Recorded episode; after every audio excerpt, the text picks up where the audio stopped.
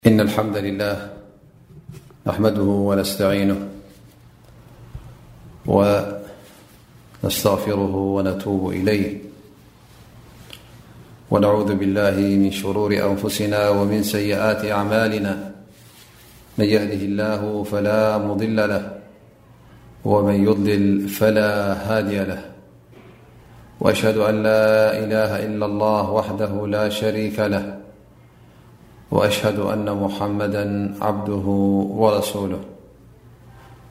وصفيه من خلقه وخليله فصلاة ربي وسلامه عليه وعلى آله وصحبه ومن استنى بسنته واقتفى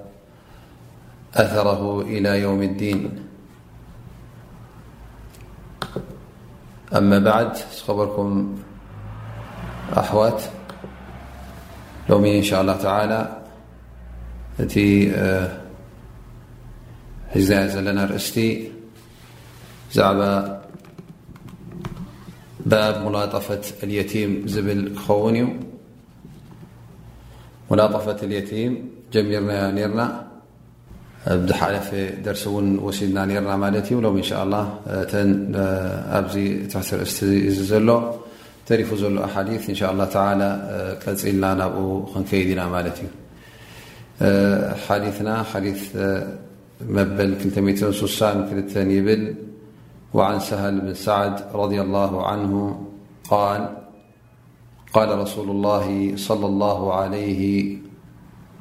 وسلم أنا وكافل اليتيمي في الجنة هكذا وأشار بالسبابة والوسطى وفرج بينهما اه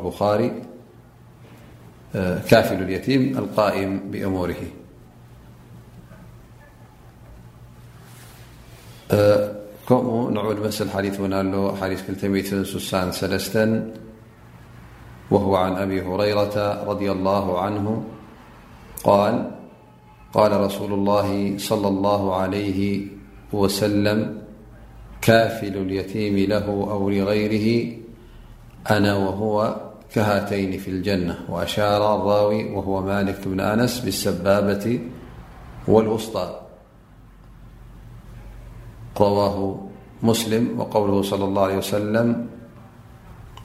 اليتيم له أو لغيره معناه قريبه أو الأجنبي منه فالقريب مثل أن تكفله أمه أو جده أو أخوه أو غيرهم من القرابات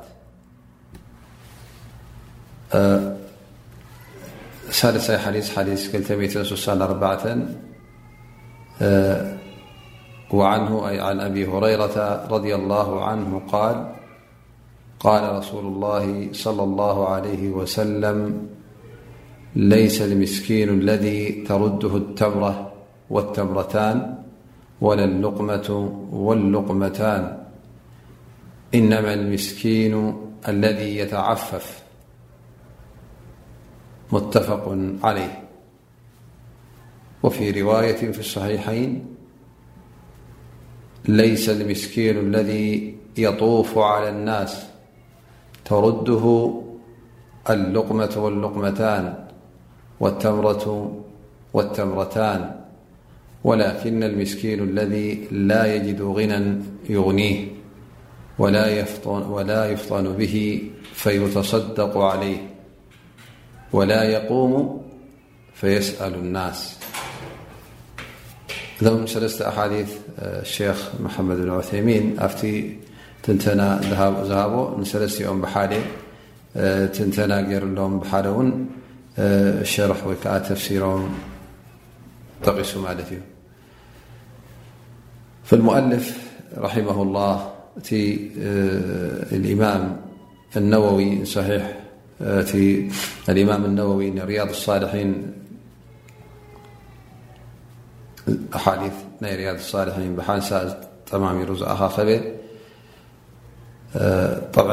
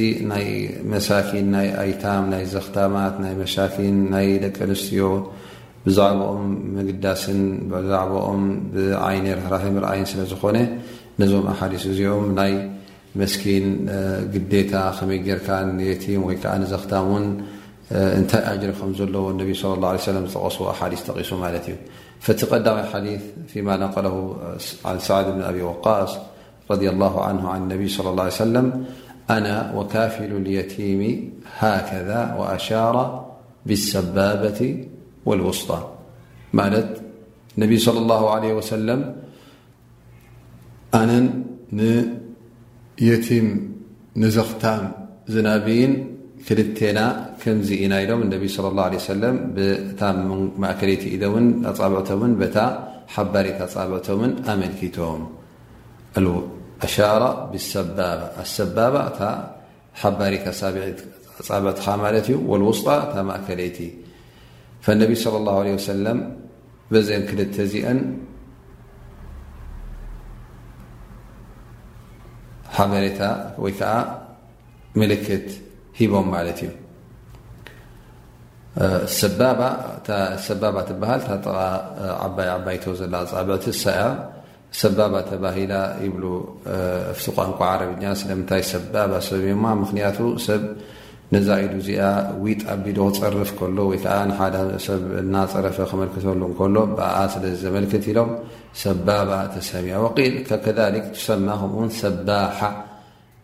ትስሜ ምክንያቱ ወዲ ሰብ ክሰግድ እንከሎ ወይ ከዓ ተስቢ ክገብር እንከሎ እዛ ኢዱ እዚኣ ኣሽሃደ ኣላ ኢላ ላ ክብል ከሎ ንዓ ዊጥ ብል ስለ ዝኾነ ድዓ ክገብር እንከሎ ብኡ እንታይ ትሰምያ ይብሉ ሰባኻ ውን ትሰምያ ይብሉ እዘ እዛ ኣፃብዕቲ እዚ ብቋንቋ ዓረበኛ ምክን ሰባባ ትስመ ከምኡ ውን ሰባኻ ትስመ ማለት እዩ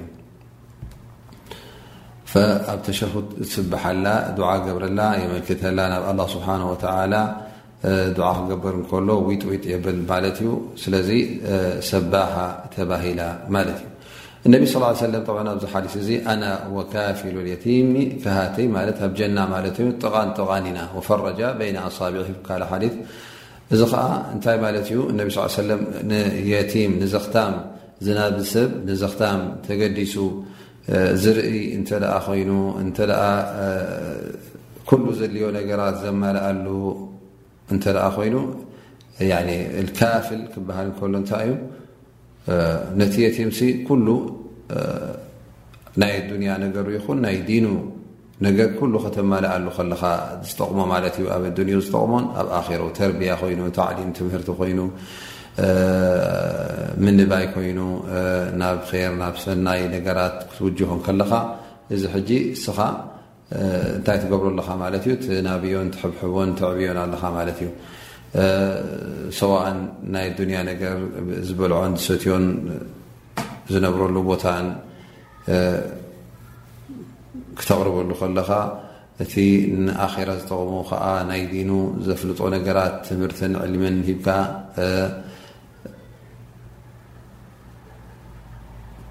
ተእዲብ ኣብ ስነ ስርዓት ከተፍልጦ ከለኻ ናይ እስልምናን ስነ ስርዓት ናይ ኣዳብ ክበር ዘለዎ እዚ ኩሉ ነገራት ከተማልኣሉ ከለኻ እዚ እዩ ከፋላ ዝበሃል ማለት እዩ ስለዚ እቲ ከፋላ ዝበሃል ንኩሉ ዘማልኤ ይኸውን ማለት እዩ የቲም ዘኽታም ክበሃል ከሎ የቲም ማለት ቅድሚ ሕጂ እውን ጠቂስና ርና እቲ ቅድሚ ዕድመ ኣቦኡ ዝሰኣነ ማለት እዩ ገና ብህፃኑ ከሎ ሰብኣይ ከይኣኸለ ጓልሰይቲ ሰበይቲ ከይኣኸለት ከላ እተ ኣቦኡ ብሞት ተፈልይዎ እንታይ ይበሃል እዚ ማለት እዩ የቲም ይበሃል እንተ ኣሞኡ ኣዲኡ መይታቶ ግን የቲም ኣይስመን እዩ እዚ ዩ እቲ ኣብተን ክልተ ሓዲት ረኪብናዮ ዘለና እቲ ቀንዲ መልእኽቲ ናተን ከምቲ ንሪኦ ዘለና ነቢይ صለ ላه ለ ወሰለም ናይ ከፋለት የቲም ናይ የቲም ንዘኽታም ምግዳስን ንዕኡ ሰናይ ምግባርን ነቢ صለ ላه ለ ሰለም እዚ ሰብ እዚ ከም ዝገብር ሰብ ስይቲ ቦትኡ ኣብቲ ዝለዓለ ደረጃ ከም ምዃኑ እዮም ዝጠቕሱልና ዘለዉ እሱ ከዓ ደረጃ ናይ ኣንብያ ኣንንሱን ጥቓን ጥቓን ኢና ከምዘን ክልተ ኣፃብዕትና ጥቓን ጥቓን ዘለዋ ከምእን ኢሎም እነቢ صለ ላሁ ለ ወሰለም ስለ ዝሓበሩ እዚ ተግባር እዚ ዓብዪ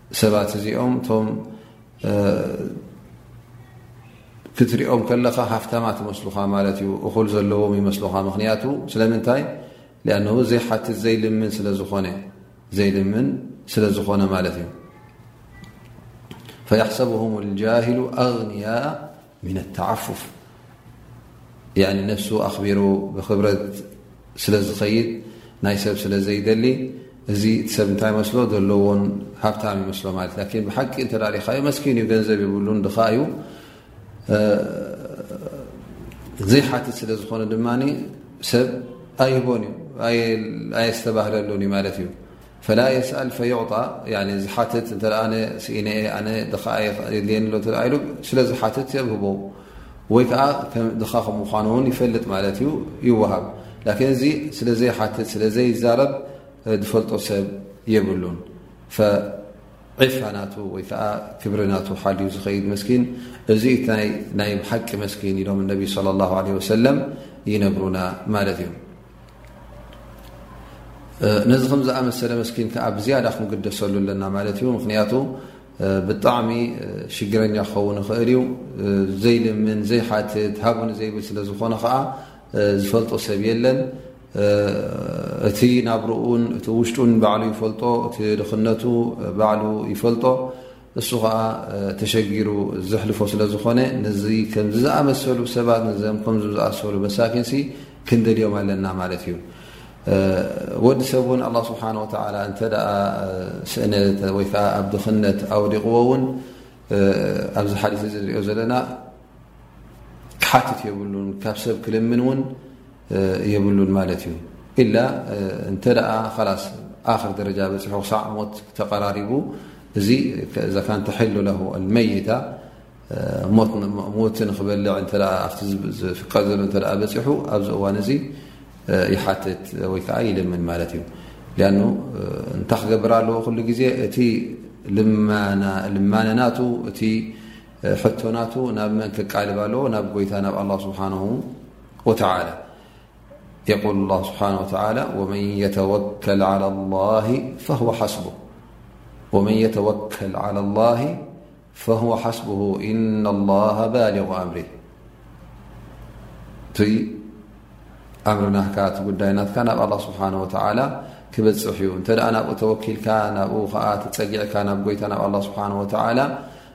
ኣላ ስብሓን ወተላ ባዕሉ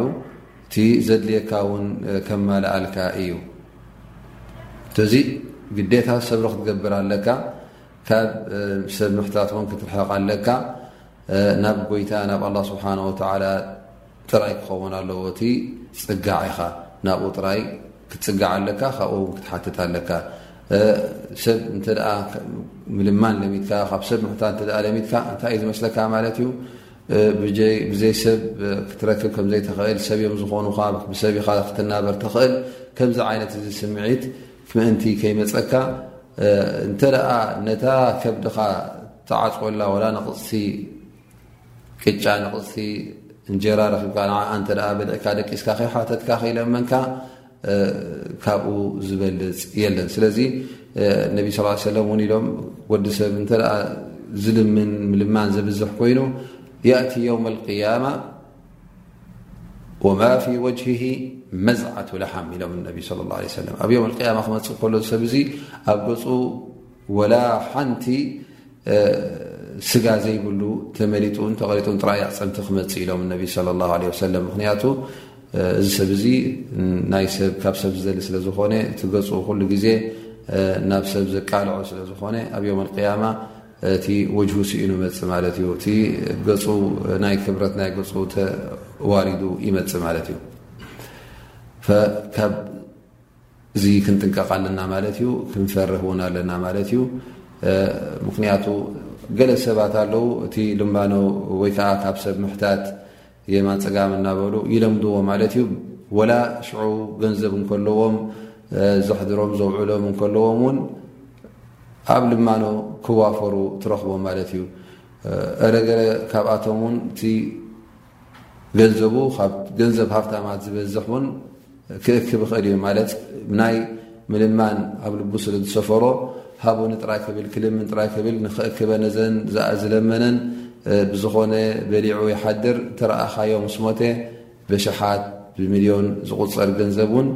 የፅንሕ ማለት እዩ እዚ ከምዝኣመሰለ ሰብ እንተ ኮይኑ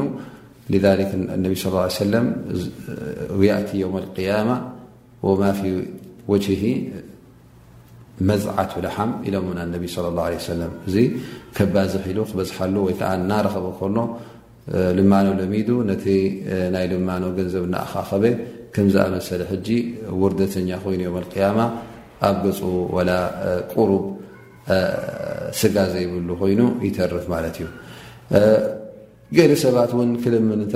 ትሪኦ ኣለኻ ኣነስ ኢነ ሓግዙኒ ይብል ንስድርኡን ንዝማድውን ንዝኾነ እንተ ርኢኻዮ ናይ ብሓቂ እዚ ሰብ እዚ ተሸጊሩ ኣይኮነን እንታይ ደኣ እቲ ነገሩ ከምቶም ርኹባት ከምቶም ዘለዎም ከቶም ሃፍታማት ክመስል ከምቶም ናቶም ክዳን ክክደን ከም ናቶም መካይን ክሰርር ክውጣሕ ከም ናቶም ገዛ ንክህልዎ ከምዚታት እናደለየ ገለ ሰባት ውን ካብ ሰብ ክልምን ክሓትት ትረኽቦ ማለት እዩ እዚ ከዓ ዓብይ ጌጋ እዩ ማለት እዩ ወዲ ሰብ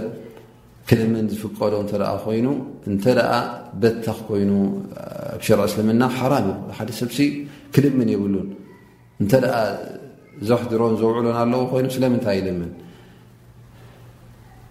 ክልምን እተ ኮይኑ ከምቲ ኣብ መይታ ንክበልዕ ማለት ሞት ንክበልዕ ኣብኡታት ዘባፅሖ እተ ኮይኑ ሽዑ ይልምን ብስእነት እተ ኮይኑ ማለት እዩ ወይ እዚ ሰብ እዚ ናይ ካልእ ሰብ ዕዳ እተ ተሰኪሙ ማለት ናይ ጋር ነፍሲ ነይሩ ኣጆኹም ኣነ ክሕግዘኩም ኢልዎም ንሰባት ተዓሪቑ ናይ ጋር ነፍሲ ኣብ ዝባኑ ሰኪሙ እሞ ነዚ ሓገዝ እዚ ክደሊ ኢሉ እንተ ክኸይድ ኮይኑ እዚ ከምዝኣመሰለ ማፊ ሙሽኪላ ኣኑ ነብሱ ይኮነን ዝልምን ዘሎ ማለት እዩ ስለዚ እቲ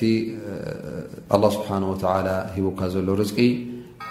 ተቐበሎ ኢኻ ኣልሓምዱሊላ ኢልካ ከተባዝሕ እውን ክትውስኽ ዝያዳ ክትፍትን እውን የብልካ እነማ ከምቲ ግቡእ እንታይ ክትገብር ኣለካ ማለት እዩ ናይ ጎይታ ናይ ኣላ ስብሓን ወተላ ርዝቅን ሽሻይን ካብኡ ክትሓትት ኣለካ እንሻ ላ ኣብቲ ዳሕራይ ካልኣይ ሓዲ ናብኡ ሓዲ 2 መበል 265 ናብኡ ክንኣቱ ኢና ዓንሁ ብ ሁረይረታ ን ነቢይ ለ ላ ለ ወሰለም ቃል الساعي على الأرملة والمسكين كالمجاهد في سبيل الله وأحسبه قال وكالقائم الذي لا يفتر وكالصائم الذي لا يفطر ሙተፈ عለይ እዚ ሓዲስ እዚ ብዛዕባ ኣርመላ ሰብኣይ ዘይብላ ጓል ንስተይቲ ማለት እዩ ወተባዕታይ እውን እንተ ዝናብዮ ዘይብሉ ኮይኑ ኩሎም ምክን ኣርመላ ውን ይስመዩ እዮም ላኪን ነቢ ስ ሰለም ነዞም ከም ዝኣመሰሉ ሰባት ኣርመላ መስኪን ድኻ ዝሰኣነ ሰብ ንኡ ዝናብ ንኡ ላዕልን ታሕትን ዝብለሉ ልክዕ ከምቲ ስፊ ሰቢልላህ ዝጃህድ ዝዋጋእ ዝቃለስ ከምኡ እዩ ኢሎም እነቢ ለ ላ ለ ወሰለም በል ዝያዳ ካብኡ ውን ይብሉ ወከልቃኢም ለذ ላ የፍቱር ልክዕ ከምቲ ለይቲ ተሲኡ ዝሰግድ ማለት እዩ ዘይደክም ከምኡ እዩ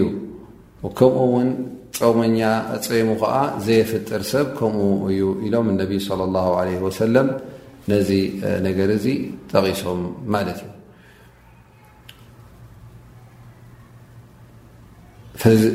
እዚ ሓዲስ እዚ ምስ ትሕዝኣ ዘለና ርእስቲ ምስኡ ዘራኸብ ኮይኑ ብዛዕባ ናይቶም መሳኪን ንድኻታት ንኦም ናቶም ዘኽታማት ዘርኢ ስለ ዝኾነ ትሕዝኣ ዘለና ርእስቲ እነሀ ኣብዚ ሓዲስ እዚ እቲ ዕብት ክብሪ ወይ ከኣ እቲ ደረጃ እዚ ሰብ እዚ ዝበጽሖ ማለት ነቶም መሳኪን ነቶም ስኡናት ነቶም ድኻታት ዝናቢ ሰብ ንዕኦም ተገዲሱ ላዕልን ታሕትን ዝብለሎም ሲ እንታይ ዓይነት ኣጅሪ ከም ዘለዎ ዝርኢ ሓዲስ ኢና ንርኢ ዘለና ማለት እዩ ፈሳዒ ሳዕይ ክበሃል እንከሎ እንታይ እዩ ላዕልን ታሕትን ክትብለሉ ማለት ንሓደ ሰብ ወይ ከዓ ንሓደ ነገር ንዕኡ ንኸትናቢ ብፅቡቕ ጌርካ ንኸትሕዞን ንኡ ኣድላይ ዝኾኑ ነገራት ከተማልኣሉ እንከለኻ እዚ ሳዕይ ጌርካሉ ማለት እዩ ጠብ ኣራምል ቃሉ ሁወ መን ላ ዓኢላ ለሁ ኣርመላ ወይ ከዓ ኣራምል ዝበሃሉ ሓጋዚ ዘይብሉ ደጋፊ ዘይብሉ ከዋኒ ዘይብሉ ማለት እዩ ዝሕግሶ ሰብ ዘድልዮ እተ ኮይኑ ወተባዕታ ይኹን ጓልስተይቲ መስኪን ኮይኑ ዝድግፎ ወይ ከዓ ዝናብዮ እተ ዘየለ ሙምክን ኣርመል ይበሃል ማለት እዩ ወልመሳኪን ፍሉጥ እዩ ቅድሚ ሕጂ ጠቂስናዮም ነርና እቶም ድኻታት ማለት እዩ ስለዚ ኣብዚ ሓዲስ እዚ ኣቃይም ዓላ ሃኡላ ነዞም ሰባት እዚኦም ኢሉ ላዕልን ታሕትን ዝብል ሰብ ንኦም ዝሕግዝ እንተደኣ ኮይኑ ናቶም ጉድለታት ዘማልኣሎም እንተ ኮይኑ እዚ ሰብ እዚ ነቢ صለ ላሁ ለ ወሰለም እቲ ኣጅሩ ቀሊል ኣጅሪ ከም ዘይኮነ እቲ ኣጅሪ እውን ዓብዪ ከም ዝኾነ ዘርኢ ሓዲት ጠቒሶም ማለት እዩ ልክዕ ከም መን ቆፂሮሞ ከም ሙጃሂድ ፊ ሰቢልላ ሙጃሂድ ፊ ሰቢልላ ክበሃል ከሎ እቲ ኣብ ዓውዲ ኩናት ኣትዩ ነፍሱን ማሉን ንክጠፍእ ወይ ከዓ ንክመውት ዝቃላዓሉ ስራሕ እንከሎ እቲ ናቱ ኣጅሪ ልክዕ እዚ ንመሳኪን ዝዕንግልን ንዕኦም ኢሉ ዝብገስን ኣድላይ ናቶም ዘድሊ ነገራት ወይ ከዓ ዝጎድሎም ነገራት ዘማልእ ሰብ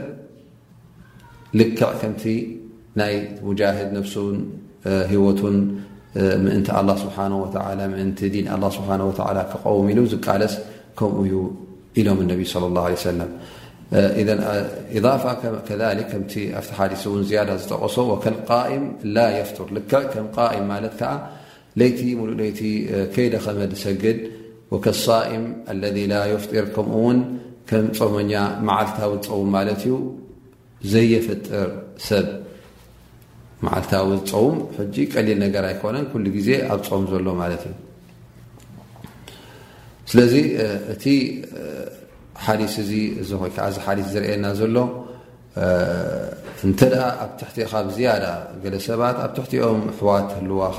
ደቂ ኣንስትዮ ኮና ወይ ከዓ ኣደ ትህልወካ ሰበይትኻ እዚኦም ኩሎም እስኻ ኢኻ ክትናብዮም ዘለካ ዋጅብካ ክኸውን ይኽእል እዩ ስለዚ ነዞም ሰባት እዚኦም ክትናብዮም ከለኻ ተገዲስካ እንተ ንስኻ ትገብረሎም ኣለኻ ኮንካ ንዕኦም ኢልካ ላዕልን ታሕትን ኢልካ ትሰርሕ እንተ ኮንካ እቲ ትሰርሖ ዘለኻ ዓብዪ ኣጅሪ ከም ዘለዎ ክትርስዕ የብልካን ማለት እዩ እዚ ናካ ሓላፍነት እዩ ቀሊል ነገር ጌርካ ክትወስዶ የብልካን ማለት እዩ ገለገለ ሰባት ግን ነዚ ነገር እዚ ብሸለልትነት ዝርእይዎ ኣለዉ። ገዛውቶም፣ ገዝኦም፣ ደቆም፣ ኣንስቶም ገዲፎም መን ይግደሰሎም መን ይህቦም ነፈቓ ገንዘብ ከይተገደሱ ሱቕ ኢሎም ንየማን ንፀጋም ይኸዱ ማለት እዩ። ካብ ዓዲ ናብ ዓዲ ላዕልን ታሕትን ክብሉ ትረኽቦም ማለት እዩ። ግን ነቶም ቤተሰቦም ንደቆም ተውጂህ ዝገብር ደቆም ዝግደሰሎም ንደቆም ዘዕብየሎም ወይ ከዓ ኣንስቶም ዝርእሎም እንታይ ከም ዘድልየ እንታይ ከም ዘድልዮም ናይ ተርቢያ ኮይኑ ናይ ምዕላም ኮይኑ ናይ ንብረት ኮይኑ እዚ ኩሉ ገዲፎም ኣብ ካልእ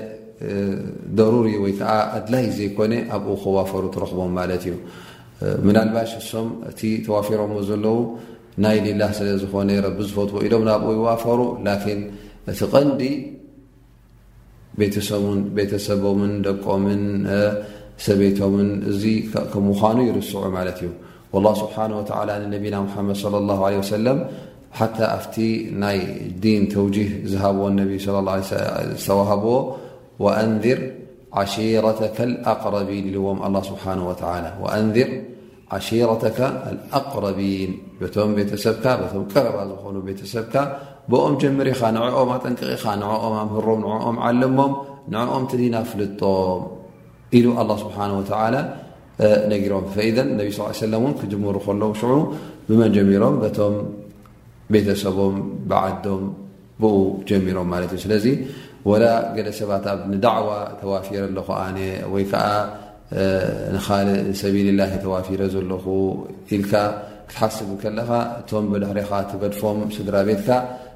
መን ከም ዝናብዮም ክትፈልጥ ኣለካ እቲ ንዕኦም ምንባይ እውን ቀሊል ነገር ጌርካ ክትወስዶ የብልካን ኣጅሩ ንሱ እውን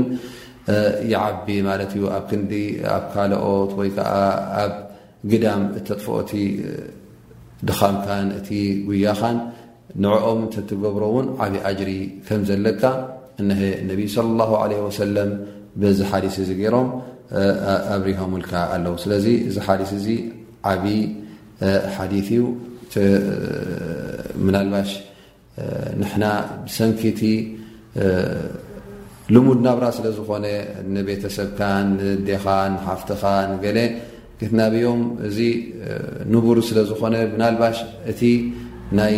ኣጅሪ ስምዒት ኣብ ልብና ኣይመጸናን ይኸውን ላኪን ኢክላስ እንተ ገርካ ነዚ ነገር እዚ እሞ ከዓ ትገብሮ ዘለካ ረቢ ዝፈትዎ ረቢ ዝደልዮን ረቢ ዓብዪ ኣጅሪ ዝህበሉን ዝፈድየሉን ከም ምኳኑ እተ ተረዲእካ እዚ ነገር እዚ ከም ዓብን ከም ክቡርን ጌርካ ክትወስዶ ይግበኣካ ማለት እዩ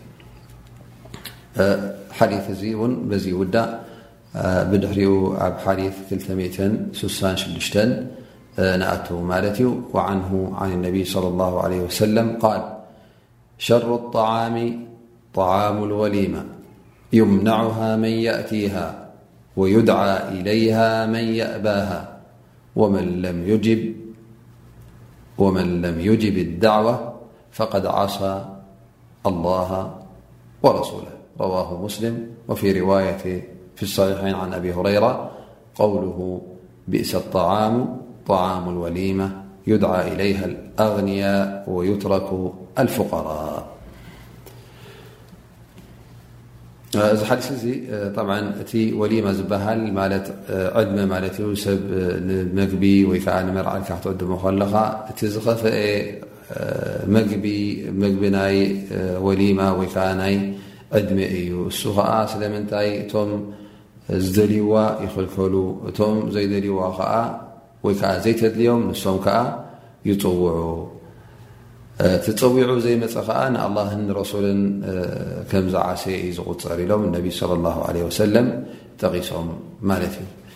ሃذ ሓዲ እዚ ሓዲስ እዚ ነቶም መሳኪን ኢልካ ኩሉ ግዜ እቲ መርዓን እቲ ደርዓን ክግበር እንከሎ እቲ ፃውዒትሲ ነቶም ሃፍታማ ጥራይ ክኸውን የብሉን ምክንያቱ ገለ ሰባት እቲ ኣብ መርዓ ይኹን ኣብ ገለ ናይ እኩብ ሰብ ዝርከቡ ማለት ሓፍላ ኮይኑ ናይ ዝኾነ ይኹን ዓይነት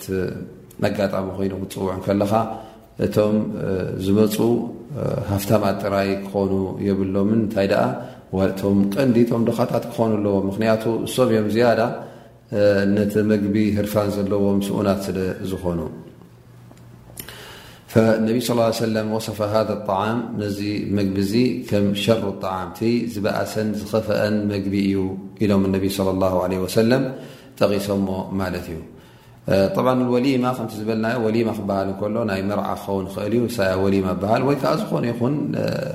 እኩብ ሰብ ንኹሉ ብዙሓት ሰብ ትዕድመሉ እዚ ወሊማ ይበሃል ማለት እዩ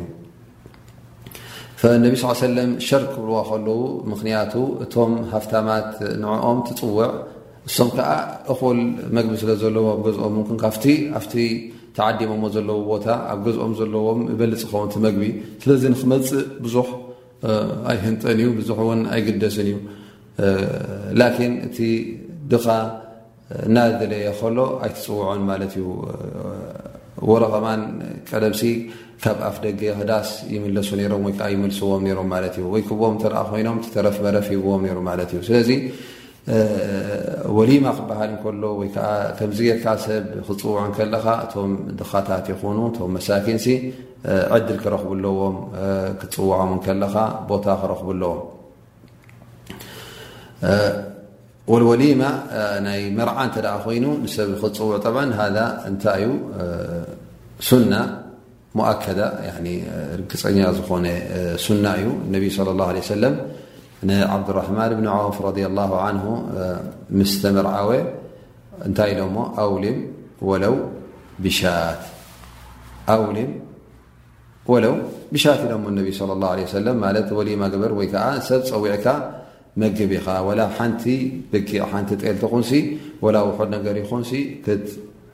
ዕድም ኣለካ ሰብ ከም ተመርዓኻ ውን ክፈልጥ ኣለዎ ኢሎም ነቢ صለ ላه ለ ሰለም ጠቒሶማ ን ወሊማ ወሊመት ዑርስ ክትገብር ናይ መርዓ ዕድመ ጌርካ ንሰብ ንክፅውዕ እዚ ሱና እዩ ርግፀኛ ዝኾነ ሱና እዩ እቲ ተፀውዐ ሰብ ንክመፅእ ድማ ግዴታ እዩ ዋጅብ እዩ ኣኑ እነቢ ስ ሰለም ኣብዚ ወመን ለም ዩጅብ ኢሎም ዘይተቐበለ ሕራይ ዘይመፀ ከዓ ፈቐድ ዓሳ ላሃ ወረሱሎ ንኣላ ስብሓን ወተዓላ ነቢ ص ه ع ስብሓه ወ ኣብዩ ማለት እዩ ወይ ከዓ ማዕስያ ገይሩ ኣይተማእዘዘን ማለት እዩ ስለዚ እጃበት ዳዕዋ ዋጅባ ላን ማዓስያ ዋጅ ትኸውን ዋጅ ክትከውን ተ ኮይና እቲ ዝፀዋዓካ መርዓ ኣሎ ዝበለካ ኣስላማይ ክኸውን ኣለዎ ሓወካ ኣስላማይ እተ ኮይኑ እዚ ዝያዳ ዋጅብ ይኸውን እተ ኣስላማይ ዘይኮነ ዋጅብ ኣይኮነን ን እንተኸጥካዮ ድማ ፅቡቕ እዩ ዳኣኑ እቲ ፅቡቕ ጠባይ ትሪኦ ኣለኻ ማለት እዩ ብዝያዳ ድማ እተ እዚ ዘይ እስላማይ ሰብ እተ ኮይኑ ዝያዳ ንኡ ኣብነቲ ናይ እስልምና ዲን ንኸተፍልጦ ናኸተቀራረቡ ኢልካ እተ ሓሳብ ኣለካ ኮይኑ እዚ ከዓ ብዝያዳ ኣገዳሲ ይኸውን ማለት እዩ እነቢ ስ ሰለም ኣይሁዳዊ ንምግቢ ፀዊዖሞ እነቢ ስ ሰለም ሕራ ኢሉ እቲ ዝቐረቦ መግቢ እውን እንታይ እዩ ነይሩ? ቅጫ ስገም እዩ ነይሩ። ወላ ሓንቲ ዝብላዕ ነገር እውን ክቡር ወይ ከዓ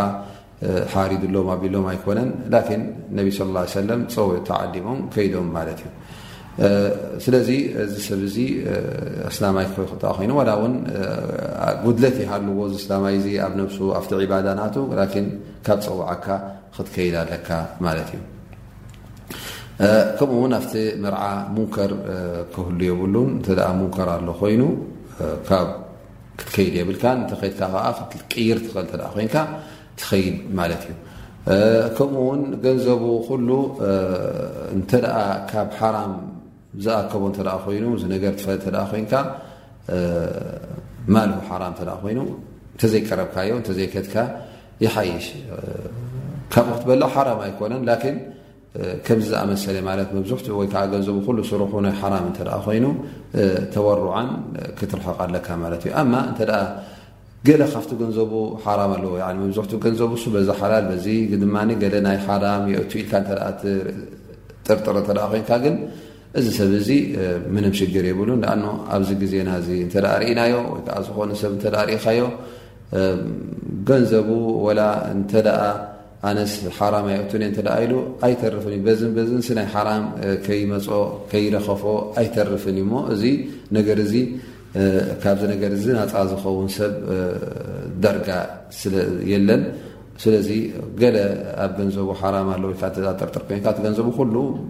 ሓላል ትሰርሕ ላኪን ኣለዎ በትን በትን ምናልባሽ ብሓረጣ ኮይኑ ብገደ ኮይኑ ዝመፅ ገንዘብ እተ ኣሎ ኮይኑ ሰብ እዚ ገንዘቡ ኣብኡ ከትካ ዓዲሙካ ክትበልዕ ምንም ሽግር የብሉን ማለት እዩ ፈኢዘን እታ ጠዓም ወሊማ ዝበልናያ ክትፅዋዕ እንተ ኮይንካ እሞ ከዓ ክፅዋዓካ ከሎ ውን ንዓኻ ፈልዩ እንተ ፀዊዑካ እዚኣ ታዋጅብ ትኸውን ማለት እዩ ኣንዩዓይነት ማለት ከለ ያ ፍላን መርዓይ መርዓ ወደይ መርዓ ጓለይ ፅባሕ እዩ ድሕሪ ፅባሕ እዩ ኢሉ ባዕሉ ንዓኻ ፈልዩ እተ ነጊሩካ እዚኣ እታ ድማ ዋጅብ ትኸውን ላኪን እንተ እቲ ፃውዒት ሓፈሻዊ ፃውዒት እተ ነይሩ ምክንያቱ ገለገለ ሰባት ኣብ መስጊድ ኣብ እኩብ ቦታ ያክዋና የ ጀማ ፅባሕ ወድሕሪ ፅባሕ ዝስመል ዘሎ ቀሰሙን ወይ ከዓ ብ ዕለት ክንዲዚ መርዓ ናይ ጓደ ስለ ዘለኒ ምፁኒ ኢኹም ዕድመኩም ኣለኹ ብለካ ንሓፋሽ ይዕድም ኣሎ ማለት ዩ ብዝሒ ኣብዚ ሕጂ ዋጅብ ኣይኮነ ንዓኻ ማይጅብ ዓለ እንተኸትካ ፅቡቕ እዩ ላኪን እቲ ደረጃ ናታ ካብ ዋጅብ ወሪዳ ማለት እዩ ምክንያቱ እቲ ፅውዑ እንከሎ ንብዙሕ ይፀዊዑ ገለ ካብኦም እንተኸደ እኹል እዩ ማለት እዩ ላኪን እንተ ንዓኻ ፈልዩ ብመልሓሱ ባዕሉ ኮይኑ ወይ ከዓ ሰብ ልኢኹ ወይ ከዓ ደብዳበ ልኢኹ ይኹን ዝኾነ ይኹን መቸም ፈልዩ እተ